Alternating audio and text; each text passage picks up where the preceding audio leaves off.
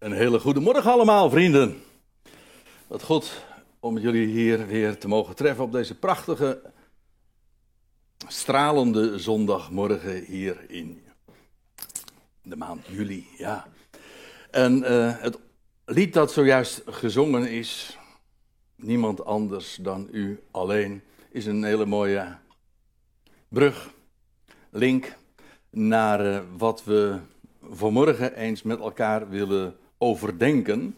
En ik heb het de titel gegeven die u hier ziet geprojecteerd.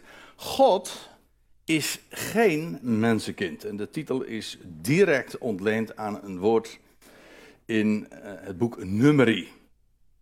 In de toespraak, de reden die ooit Biliam hield voor het volk Israël.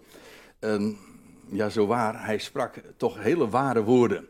Bijvoorbeeld deze woorden. En dat is precies dus ook de reden waarom ik het zo benoemd heb.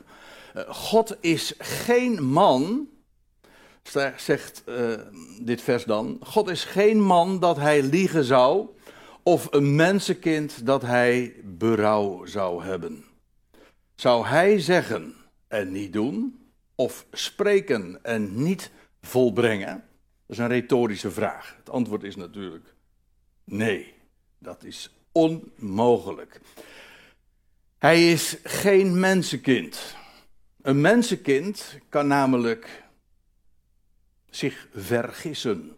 Ja, dat is eigen aan wat een mens nu eenmaal is. Beperkt in zijn verstand en daarom, uh, je weet niet hoe de dingen zijn of hoe de dingen zullen zijn. En daarom ga je gissen. En als je gaat gissen, dan kun je dus ook vergissen. Iemand die alles weet, die hoeft niet te gissen, die weet de dingen. En vandaar ook uh, dat hier staat, zou hij zeggen en niet doen, of spreken en niet volbrengen. Dat heeft te maken met het feit dat hij alwetend is. Namelijk, zoals dat bijvoorbeeld ook in het boek Jezaja zo prachtig staat, die van den beginnen de afloop verkondigt. Dat weet hij. Hij overziet de tijden. Sterker nog, de tijden zijn door hem gecreëerd. Dus een, de tijd, net als de ruimte, is een creatie van hem. Wij kunnen daar niet buiten treden, maar hij staat daar uh, ja, wel buiten en boven en gaat daaraan vooraf. Maar dat niet alleen, hij is niet alwetend, hij is ook alvermogend, almachtig. Wat niet betekent dat hij alles kan, want hij kan bijvoorbeeld niet liegen. Ja, dat staat letterlijk zo ook in Hebreeën 6, vind ik altijd mooi, als mensen dat dan definiëren van, ja, Gods almacht, ja, dat betekent dat hij alles kan. Nee, nee, dat is niet wat almacht betekent. Gods almacht betekent dat wat zijn liefde wil bewerken, ontzegt hem zijn vermogen niet, met dank aan een mooi lied. Maar je zou ook kunnen zeggen, hij kan wat hij wil. Niets wat hij wil is uh, aan zijn vermogen uh, ontrokken. En vandaar ook dat hij kan zeggen, maar dan ook vervolgens dat doen. En als hij spreekt, dan volbrengt hij dat ook. Hij weet alle dingen en hij kan alles wat hij uitspreekt en verklaart en wil. En dat is werkelijk God ja, wat het woord God ook betekent. De ene, de grote God die alles een plaats geeft. En die dus ook nooit mistast. Nooit een fout maakt. Bij God, ja, het is een gevleugelde uitdrukking voor mezelf. Ik, zeg het zo vaak. En ik ben niet origineel, dat wil ik ook niet zijn, want ik eigenlijk, ik, ik zou het elke dag wel willen uitroepen. Bij God gaat er nooit iets mis. Dat is de grond van ons bestaan. En, en zoals uh, William dat ooit hier ook verklaarde, het is zo waar. God is geen mensenkind.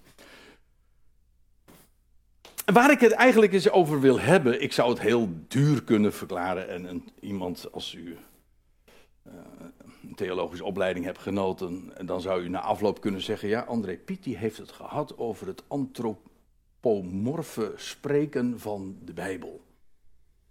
Nou heb ik dat toch maar eventjes gezegd. Ik kan het in ieder geval, ik ga het niet nog een keer zeggen, want dan struikel ik waarschijnlijk.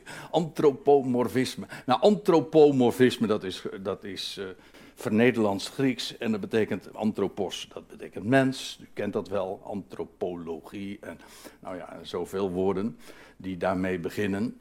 Maar, eh, en morf uh, heeft te maken met vorm. Dus je zou het ook gewoon heel normaal Nederlands kunnen zeggen. Geef ik dan toch de voorkeur aan, als u niet, uh, me niet kwalijk neemt. Waar ik het wel over wil hebben, is het mensvormig spreken van de schrift. God wordt inderdaad mensvormig beschreven. Nou, nou zit daar wel wat aan vast hoor. Dus ik wil daar toch graag eens over spreken. Kijk, God is geen mensenkind. Dat is één ding wat zeker is. Hij is geen man dat hij liegen zou, maar hij is ook geen mensenkind. In het algemeen, hij, ja. Neem niet weg, en dat is het toch wel heel frappant. Er wordt zoveel mensvormigs aan God toegeschreven. Zo zouden we het dan zeggen. Nou, laat ik eens een, een, aantal voorbeelden lukraak uit de schrift nemen. En het lijstje is bepaald niet compleet, maar geeft toch in ieder geval een aardige indruk. Uh, van, van, de uh, van God lees je bijvoorbeeld dat hij wandelt. Hij, je leest in Genesis 3, hij wandelde in de hof. En Adam en Eva die hoorden uh, zijn stem en, uh, en uh, ze vernamen dat. Van God lees je, hij slaapt en hij ontwaakt. In, de, in Psalm 44, maar er zijn wel meer schriftplaatsen. Waarom slaapt gij nu nog, God? Nou, ik zal straks ook wel duidelijk maken dat dat bij wijze van spreken is.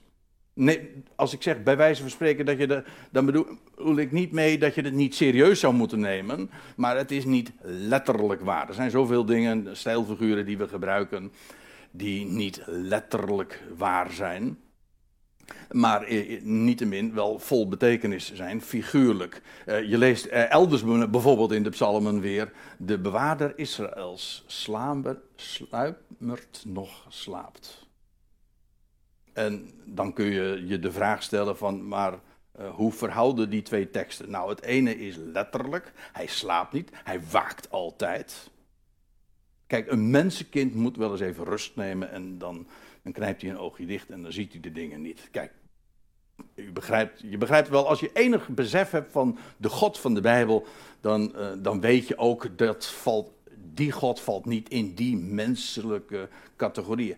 Neem niet weg, hij, hij slaapt bij wijze van spreken. In feite, eh, dat is de ervaring van de afgelopen 2000 jaar toch, dat mensen zeggen van, ja, wat, eh, ik, ik merk niks van God. Wat, doet, wat doet hij nou? En vandaar ook dat er in de psalmen nog opgeroepen wordt, waar, waarom houdt gij u slapende? En sta op en kom in actie. Nou, dat gaat God ook komen. Nu, is het alsof hij slaapt. Zo sterk zelfs in een diepe slaap is dat theologen, ja ja, hebben we ze weer, uh, denken, er is zelfs een bepaalde richting die dat zo verklaart, God is dood. Nou, dan slaap je wel heel diep. Hè? Hij laat namelijk niks van zich merken. Um, maar je leest ook bijvoorbeeld, om nog iets uh, te noemen, God verwekt door het zaad ja, ja, van zijn woord. Uh, uh, je leest in Genesis 11, maar er zijn heel wat meer teksten uh, waar je leest. Dat is een prachtig voorbeeld van, van uh, de mens die dan daar in de vlakte van Sinjar, daar in Irak, een stad gaan bouwen. Maar dat niet alleen ook een toren, welks opperste de hemel bereikte, zou bereiken. En dan lees je, als de mens daarmee bezig is, dat de Heer. Jawel, uit de hemel moet nederdalen om te kunnen zien waar zij mee bezig zijn. Kijk, de mens die bereikt dus zeg maar, uh, verenigt alle krachten en, en, en bereikt de op. Maar God moet naar beneden komen om te zien waar ze mee bezig zijn. Dat is uiteraard bij wijze van spreken, maar het is wel humor hoor. En het zet precies ook uh, het, uh, de mens op zijn plek. Namelijk wie hij is ten opzichte van God. je leest ehm, ook uh, dit zijn dan dingen, werkwoorden in verband met God. Of uh, ja, voor zover slapen een werkwoord is. Hè? Nou ja, goed, u begrijpt wat ik bedoel. Hij, maar van, van God lees je ook als het gaat om lichamelijke kenmerken. Hij heeft, hij heeft een arm. Een, je leest over zijn rechterhand. Zou de arm des Heren te kort zijn? je leest over zijn ogen, over zijn oren, over zijn neus, over zijn ingewanden zelfs. Bij meerdere gelegenheden en zelfs van zijn achterste. Ja, ja, dat lees je in de geschiedenis van, uh, van Mozes, dat hij, uh, hij, de achterste delen van God zag. Toen hij, de Heer aan hem voorbij ging. Nou ja, ik bedoel maar te zeggen, dat zijn allemaal dingen die wij toekennen, die menselijk zijn, hè, die zijn eigen aan wat wij kunnen, hè, wat wij doen, maar ook aan wat wij hebben, lichamelijk. En nou zou je kunnen zeggen van, nou dat is dus uh, mensvormig spreken van God, uh, het mensvormig spreken van God. Maar bekijk het nou eens van de andere kant. Kijk, van de mens lezen we al in het eerste Bijbelhoofdstuk dat hij is geschapen naar Gods beeld, of letterlijk in Gods beeld. Overigens, je leest niet dat de mens Gods beeld is. Kijk het maar eens na. We, we, dragen, we dragen zijn beeld, maar er is, ik weet van één iemand die, van wie gezegd wordt, hij is het beeld Gods. En dat is Christus Jezus. Hij is het beeld Gods en de mens is geschapen naar dat beeld zodat de mens geschapen is naar het beeld van God of naar Christus Jezus. En ja, dat is heel opmerkelijk, want in feite zou je dat dus kunnen zeggen.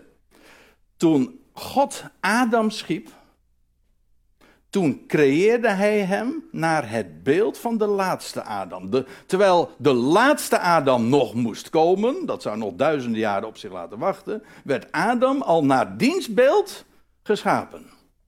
Dus ja, wie was er nou eerder? Dat is een goede vraag, hè? De laatste Adam was er eerder dan de eerste Adam. Eigenlijk is dus uh, de laatste Adam het model. En Adam, die gecreëerd werd, ons aller voorvader, de, al die miljarden mensen, kunnen allemaal hun stamboom terugbrengen tot uh, dat eerste mensenbaar, tot Adam. Maar goed, de mens is geschapen naar Gods beeld. Maar dan kun je het dus ook omkeren niet. Kijk, God is geen mensenkind. Maar de mens is goddelijk. Kijk, wij zeggen dan dat als God ziet en God hoort en hij wandelt enzovoort. Ja, dat is mensvormig spreken van God. Of over God. Maar keer het nou eens een keer om dat als, de, als, wij, als wij het vermogen hebben om te zien en te horen, om te verstaan, om te denken,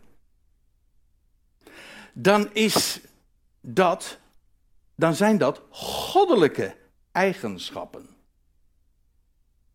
Dat is theomorf over, God, over de mens gesproken verzin hem ter plekke, dus vergeet hem maar weer. Maar uh, u, bedoel, u, begrijpt hoop ik wat ik bedoel. Dat wat van de mens gezegd wordt, dat is in feite al die dingen die wij kunnen, ja, dat is een reflectie van God. God ziet. En daarom hebben wij ogen gekregen om ook te zien. En daarin zijn wij een beeld van God. Of naar dat beeld geschapen, om het correct te zeggen. Ziet u? Dat is een, is een, een heel andere manier.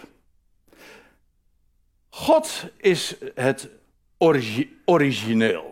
En de mens is een ruf. En, en onze vermogens, dat wat wij hebben, en, ja, en ook de zintuigen die daarmee gekoppeld zijn, ja, dat is een reflectie of een afspiegeling, of hoe je het ook maar zeggen wil, van wie God is. Dus het zegt eigenlijk veel meer iets over, over het enorme niveau waarmee God uh, waarop God de mens heeft neergezet. Ja, daar is veel meer over te melden dan dat ik nu zeg.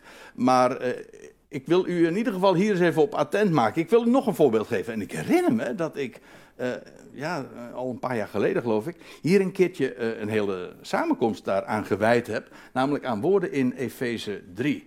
Kijk, wij zeggen bijvoorbeeld.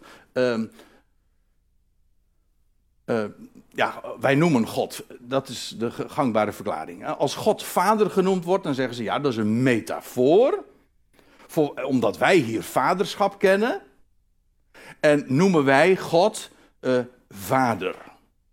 dus eigenlijk, het, wij, dat is een, een vernoeming van, van het origineel dat wij hier op aarde kennen. Nee, nee, zegt de schrift. Paulus zegt het zelfs expliciet. Lees maar mee, Efeze 3, vers 14 en 15. Dan zegt hij: Ik buig mijn knieën voor de Vader, naar wie elk vaderschap in hemelen en op aarde wordt genoemd.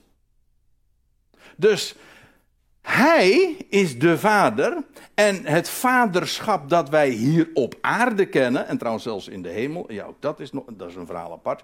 Maar het vaderschap dat wij in de schepping kennen, is een reflectie van of vernoemd naar de echte vader. Hij is het, het vaderschap van hem is origineel, het model. En dit, wat wij hier kennen, is kopie. En dat plaatst dit hele verhaal toch in een heel ander perspectief. En ik wil nog eventjes teruggaan naar die tekst waar ik mee begon, namelijk nummer 23, vers 19, waar gezegd wordt, ja, God is geen mensenkind. Geen man dat hij liegen zou, of een mensenkind dat hij berouw zou hebben. De Bijbelkenners onder jullie, die, zouden meteen, of misschien hebben jullie dat al gedacht. Uh, ja, dat kun je nou wel zeggen, André. Maar ik weet toch echt dat er in de schrift diverse keren gezegd wordt, gesproken wordt, over Gods berouw.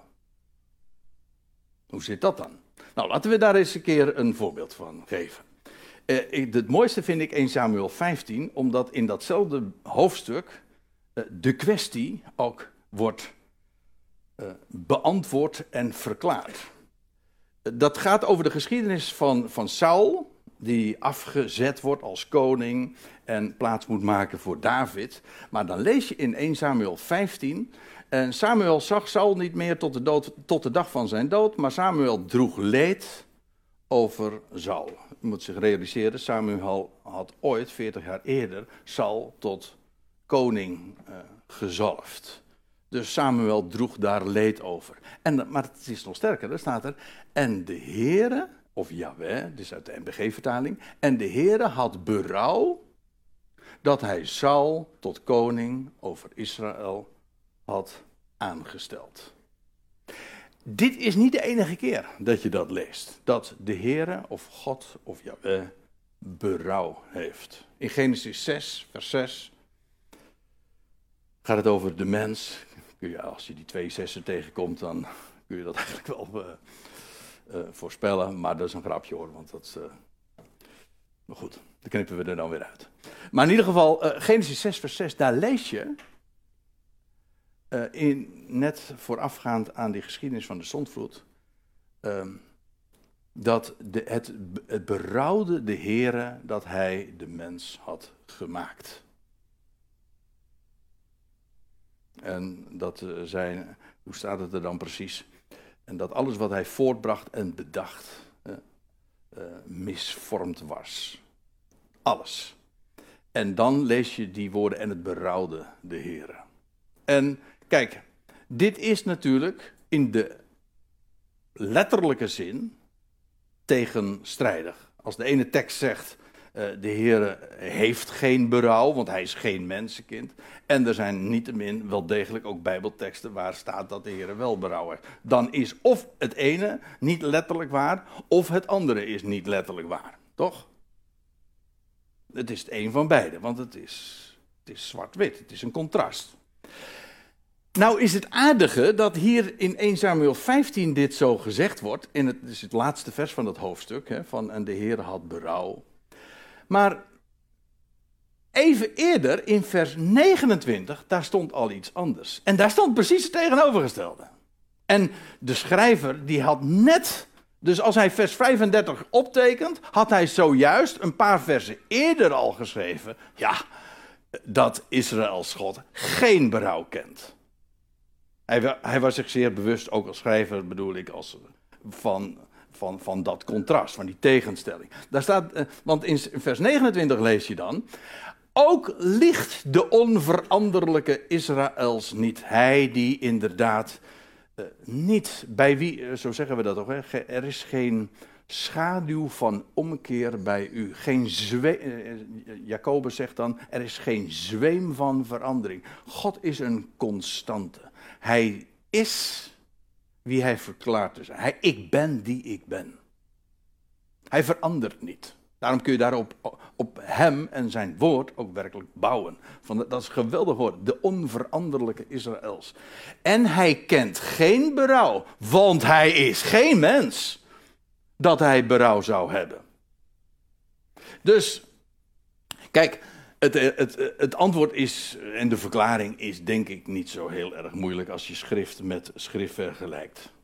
Het antwoord is natuurlijk, God is geen mens. En God, kijk, berouw in de zin zoals een mens dat heeft, eh, eh, betekent spijt. Je, je, ja, ja, en spijt, wat is, spijt heeft ook al, is ook eigenlijk altijd wijsheid achteraf. Hè? Je, als ik het geweten, als ik het, als ik het geweten had, had ik dat niet toen gedaan. Dat is wat wij onder berouw en spijt verklaren, uh, verstaan. Uiteraard is dat niet iets wat past bij een God die alles tevoren weet en die alle dingen kent, bij wie nooit iets eh, een verrassing is en die kent, kan zich, zich dus ook niet vergissen of spijt hebben of berouw hebben. En toch is die term berouw wel degelijk van betekenis. Al is het inderdaad uh, een stijlfiguur. Het is bij wijze van spreken. Namelijk, het is te vergelijken de, uh, met de pijn, het leed dat een mens heeft als hij spijt heeft. Daarom staat en het berouwde de Het is bij wijze van spreken, maar niettemin, het zou, en dat is van belang om te zien, en om, het, om überhaupt de schrift te verklaren en om zo'n zo'n tegenstelling inderdaad in perspectief te zien, is van groot belang. Maar het is ook van belang om te zien waarom God soms zich bij wijze van spreken zo uitdrukt. Dat hij berouw heeft. Om aan te geven de pijn die God heeft. Want dat is trouwens ook iets, het leed dat God heeft, dat is niet bij wijze van spreken, dat is echt zo. God leidt met zijn schepping mee. Eigenlijk, als je daarover nadenkt, is dat ook logisch. Ook het, het feit dat wij verdriet kunnen hebben, is ook iets goddelijks. En God die de schepping kent, uiteraard, hij heeft het zelf gemaakt. Elk creatuur. Hij kent elk mens, elk schepsel. En het leed dat, hij, dat een schepsel of een mens heeft, daarin leidt hij mee. U weet toch, als je iemand, als je iets als je een, een, vader of moeder die een kind lief heeft en je ziet het kind lijden, dan leid je als ouder omdat je het lief hebt, mee. En zo is God. Hij leidt met zijn schepping, maar dat is, ja, dat is eigenlijk een beetje een containerbegrip. Nee, hij leidt met zijn schepselen mee. Zo houdt hij daarvan. Het is onbe onbegrijpelijk zoals het onbegrijpelijk is dat hij de creator is van alle dingen en die alles in de handen heeft. En ja, dat, is, dat, dat gaat zo volstrekt boven al ons denkvermogen uit. Maar hij leidt inderdaad mee. En bij wijze van spreken heeft hij berouw. Niet letterlijk, want hij is God en geen mensenkind. Hij heeft geen spijt. En toch, bij wijze van spreken. De pijn die een mens kan beleven als hij inderdaad berouw heeft. Wel, dat is wat God ook kent. En voor de rest, ja. God is, we zongen het, de gans andere. Hij is zo anders. En ook onvergelijkbaar. Er is geen Bijbelboek waarin dat zo duidelijk en prachtig naar voren komt als in het Bijbelboek Jezaja. Er zijn er meer, maar Jezaja is denk ik wel daarin de kampioen. Juist ook omdat hij, er zijn van die hoofdstukken, vooral dat hoofdstuk 40 waar ik nu naartoe ga, waarin dat zo schitterend, majestueus wordt beschreven. Dat God werkelijk God is. En dan staat er in vers 17: Alle volkeren zijn als, als niets voor. Er staat niet dat ze niets voor hem zijn, ze zijn als niets voor hem. Zij worden door hem beschouwd als nietig en ijdel. Alleen daarom. Je zou eigenlijk hier eventjes dan stil moeten houden. Moet je je voorstellen. Al die miljarden mensen, al die volkeren tezamen. Met hun streven en met hun bouwsels, weet u wel. En, eh, met hun idealen en hun ideologieën en hun machten enzovoort. Ook daarover gaat het in, in uh, dit hoofdstuk. Het stelt voor hem niets voor. In hetzelfde hoofdstuk staat ook: het is als een stofje aan de weegschaal. En als een druppel aan een emmer. Het is volstrekt gewoon nietig. Nou, dat is de schepping. Dat is al die, die, mens, die mensenwereld als totaal. En dan, dan word je echt, uh, ja, daar word je daarboven uitgetrokken. Die, die God, daarover hebben we het. Alle volkeren zijn als niets voor hem, zij worden door hem beschouwd als nietig en ijdel. Met wie dan wil gij God vergelijken? En welke vergelijking op hem toepassen? Elke vergelijking met God gaat per definitie mank. Want ja, als je vergelijkt, dan moet je hem dus vergelijken met schepsel. Maar hij is geen schepsel, hij is de schepper. Kijk, wij kunnen ons met elkaar vergelijken, omdat we allemaal in hetzelfde schuitje zitten. We zijn allemaal mensen, we zijn allemaal schepselen, creaturen. Ja, maar hij is de, de schepper. Hij is totaal van een andere orde. Inderdaad, wij zijn naar, naar zijn beeld gecreëerd. Als, alsjeblieft, en het is waar. En toch, uh, geen enkele vergelijking is op hem van toepassing. Nou kun je dat met een vergelijking is. Elke vergelijking gaat uiteindelijk mank natuurlijk hoor, dat weet ik ook wel. Als je A vergelijkt met B, dan kan dat alleen maar omdat A anders is dan B, toch? Dus het is, het is altijd in een bepaalde opzicht uh, gaat een vergelijking uh, mank. Maar bij God is dat in de absolute zin zo. Kijk, de Bijbel vergelijkt God ook met, bijvoorbeeld, dat is een hele mooie trouwens in dit verband, met een pottenbakker.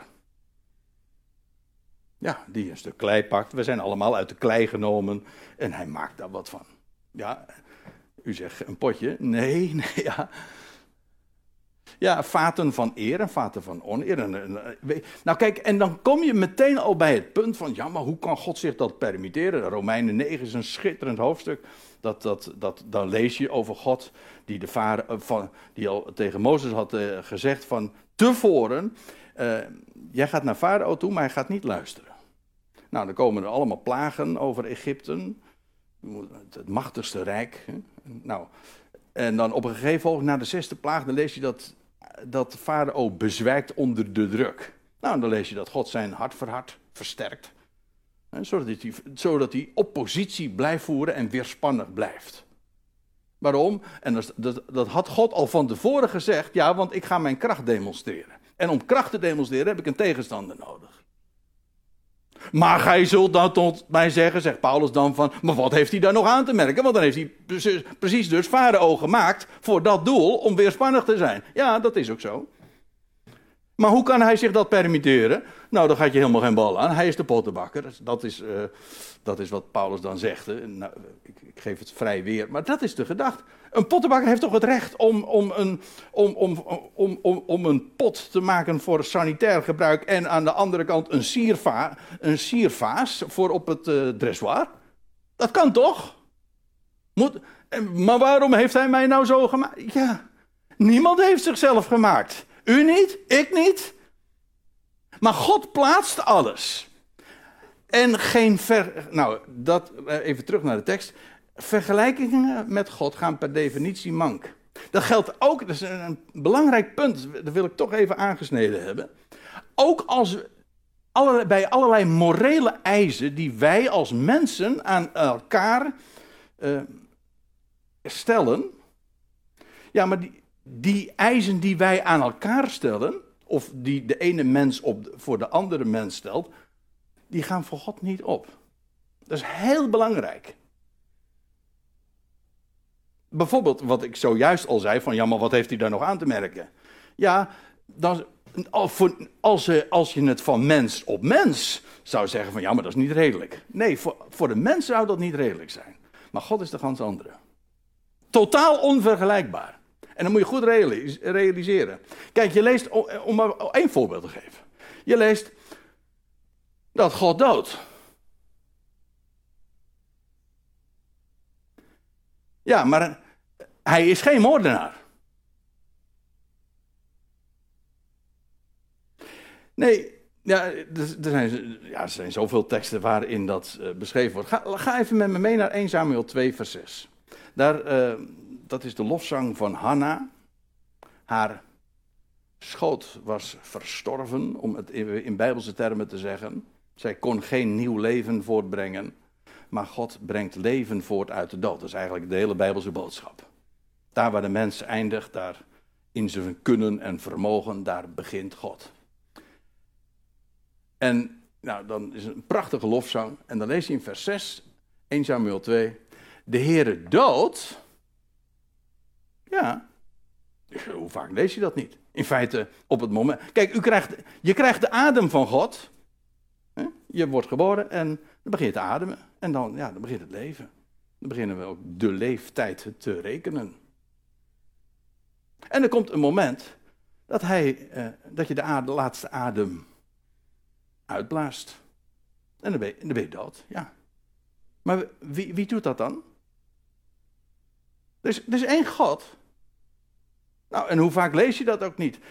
dat God, eh, dan vraagt hij dat niet, van vinden jullie dat goed of zo? Even democratisch moet dat besloten. Nee, nee. Weet je, op het moment dat je het in die termen zegt, van welk recht heeft hij? Weet, weet je wel even wie je bent? Hij is de schepper, hij is God.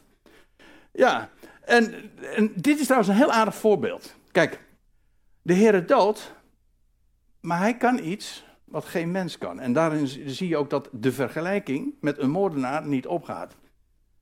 Want de Heer is dood, maar hij doet ook herleven. En dat kan geen moordenaar. Trouwens, geen, geen enkel mens. Stel je voor. Ja, kijk, wij, wij vinden moord erg. Ja, eh, logisch. Ik ook, uiteraard. Zojuist gaf je het voorbeeld van wat we afgelopen weken hebben meegemaakt met, eh, met, eh, met Peter R. de Vries. En nou, zo, zoiets, daar groei je, je van, hè? van zoiets, van zo'n daad. Maar waarom is dit erg? Ja, omdat moord zo definitief is. je, je doodt iemand, ja, en dan is het het einde. Daar komt geen, dat, dat kan je niet meer herstellen. Als je iemand, uh, als je iemand uh, iets, iets aandoet, geweld aandoet, dan kan, dat, dan kan iemand daar nog van herstellen. Maar de, een moord, wederrechtelijk iemand het leven benemen, ja, dat is van een andere orde. Want dat is namelijk niet te herstellen voor een mens. En dan zie je precies wat het grote verschil is met God, want God doodt inderdaad. Ja, maar hij doet ook herleven. Stel je voor dat een moordenaar ook, dat een, dat je, dat een moordenaar of een mens ook weer uh, zou kunnen doen herleven. Dan zouden we moord helemaal niet eens meer erg vinden. Heb je daar wel eens bij stilgestaan?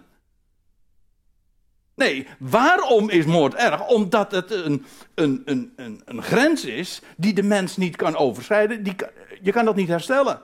Je kan niet doen herleven. Nee, maar God wel. En daarom is het ook van een totaal andere orde dat God doodt. Hij kan herleven, doen herleven. En dat doet hij ook.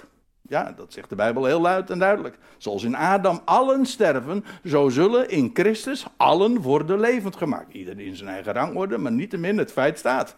Kijk, God doodt, maar hij doet ook herleven.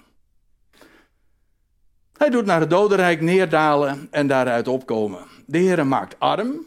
Ja. Hij neemt je bezittingen weg. Is hij daarmee een dief?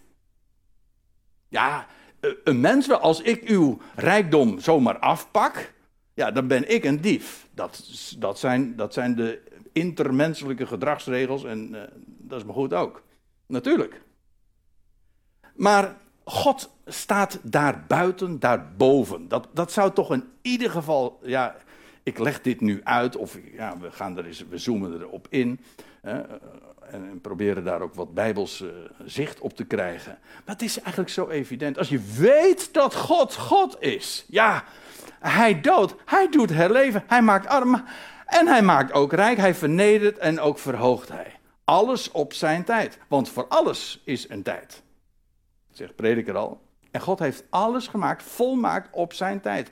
Het negatieve en het positieve. En in die end, onder de streep, is er geen eens min meer. Want hij maakt alle minnen tot plussen. Ja, dat kan een mens niet. Een mens die kan allerlei minnen maken in, in je eigen leven trouwens, maar ook in dat van een ander. Zonder dat je het ongedaan kan maken, zonder dat je het goed kunt maken. Hoe vaak hoor je het niet? Voor ik wou dat ik het goed kon maken. Nee, maar er is er één die het wel goed kan maken. En die het kwade, zegt Jozef al in het uh, laatste Bijbelhoofdstuk van uh, Genesis. Uh, hij, hij, jullie hebben wel kwaad gedacht, maar God heeft het allemaal ten goede gedacht, gekeerd. En sterker, het is zelfs nog sterker, die minnen moesten er zijn om een plus te maken. Want probeert u, maakt u maar eens een keer een plus zonder een min. Dat bestaat niet. Er bestaat alleen maar een plus vanwege die horizontale lijn. Dat is mooi, hè? Bij God gaat er nooit iets mis. Wat wij minnen noemen, dat is, ja, ja, dat is negatief. Natuurlijk, in onze beleving wel. Maar Hij is God. Kijk, en dat is wat je nooit zou vergeten. Nou, enkele versen later, Jezaja 40. Weet ge het niet? Hebt ge het niet gehoord? Een eeuwig God is de Heer. De God van de eeuwen, van de Ionen. Die dat alles. Ook hij staat aan het begin. Hij creëerde ook de Ionen, de eeuwen. Hij is de Heer, Yahweh. Ik ben die ik ben. Schepper van de einden der aarde. Hij wordt nog moede, nog mat. Ja, kijk, een mens wel, hè? Niet alleen moe, maar hij gaat ook slapen dan. Ja, maar dat is bij God dus niet van toepassing. Hij wordt nog moeder, nog mat. En zijn verstand is niet te doorgronden. Het is volstrekt, maar dan ook volstrekt, gaat het boven elk voorstellingsvermogen. Uh, dat is God. Van de week, uh, toen hadden we het even over het aan. ja, u zegt waar heb je het over? Maar toen ging het over, over het aantal mugjes. Nou, dat kan heel, eh, ja, één mug kan in een kamer al genoeg zijn, al te veel zijn. Maar eh, wat, je dan, wat je dan ziet, eh, dat, dat, dat onvoorstelbare uh, hoeveel, dat heb je als van die, van die zwermen en dan, miljoenen mugjes. Ja, uh, nou ja, dus één zo'n voorbeeld. En, en iets anders. Uh, daar staat er van, al je haren zijn geteld. Zijn verstand is niet te doorgronden. Het aantal, alles. Alles is gecreëerd door God.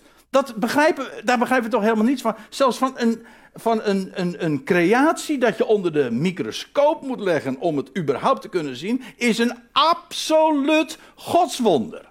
Kan geen mens maken. Zijn verstand is niet te doorgronden. En eigenlijk daar, ja, waar de mens eindigt, daar begint God. En dat, dat, dat is trouwens ook het beginsel van wijsheid. De vrezer des Heren, dat wil zeggen het ontzag hebben voor het feit dat Hij God is, daar begint wijsheid. Niet daar, daar eindigt wijsheid niet, daar begint wijsheid. Als je dat niet je startpunt is, Hij is God. Ja, ik had vorige week een spreekwoord, dat, ja, dat is eigenlijk eh, in eh, Benthuizen was dat. En dat ging helemaal hieraan vooraf. Ja, God is God. Hè? Eh, in, in Romeinen 1, vers 21. En dan lees je ook over de wereld. Die God niet als God erkent. Als God erkent, als de plaatser. En dan staat er. En daarom zijn hun redeneringen verijdeld. En het is duister geworden in hun onverstandig hart. Op het moment dat je God niet meer als God erkent. Dan, dan loop je redeneringen uh, gewoon ja, stuk vast. Gewoon omdat je uitgangspunt niet goed is. En dan kun je nog zo academisch gevormd zijn en academische titels voor je naam hebben. Je uitgangspunt is niet goed en dus de, uitkomst is niet valide, is niet goed, niet geldig. Helemaal weer overnieuw beginnen. Helemaal weer overnieuw beginnen met het goede startpunt. En dat is, Hij is God. En ontzag voor Hem.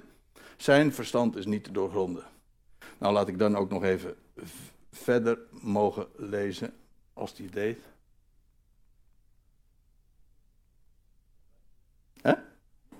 Ja, als ja, kijk, dat is, dat is. Een mens kan dat. Ja, eh, ik, ja, ik heb er nog ik drie. Tijd voor een nieuw batterijtje, ja. We hebben het over iets wat niet moeder en niet mat wordt. Hè? En waar de kracht niet van verdwijnt ophoudt. Oké, hij geeft de moeder kracht. En de machteloze vermeerdert hij sterker. Daarom, dit is, kijk, dit is ik hoop dat u goed begrijpt, dit is maar niet een een of andere theoretische exercitie. Zo, laten we daar eens een keertje interessant over het antropomorfisme. Alsjeblieft niet. Dit gaat over de meest fundamentele waarheid die er is. En elke dag die niet begint met dat besef, is een verloren dag. Want alleen dan heb je werkelijk plaats je de dingen in perspectief. Het geeft uitzicht sowieso. Ja, als er bij God nooit iets misgaat, dat is toch hoop? Dat is verwachting. Maar dat geeft mij ook kracht. Hè? En als je moe bent en geen energie hebt, ja, dan moet je slapen. Ja, maar kijk eens omhoog naar Hem die inderdaad kracht geeft. En het kennen van Hem, dat is een bron van energie. Oh, nou doet hij het ineens weer wel.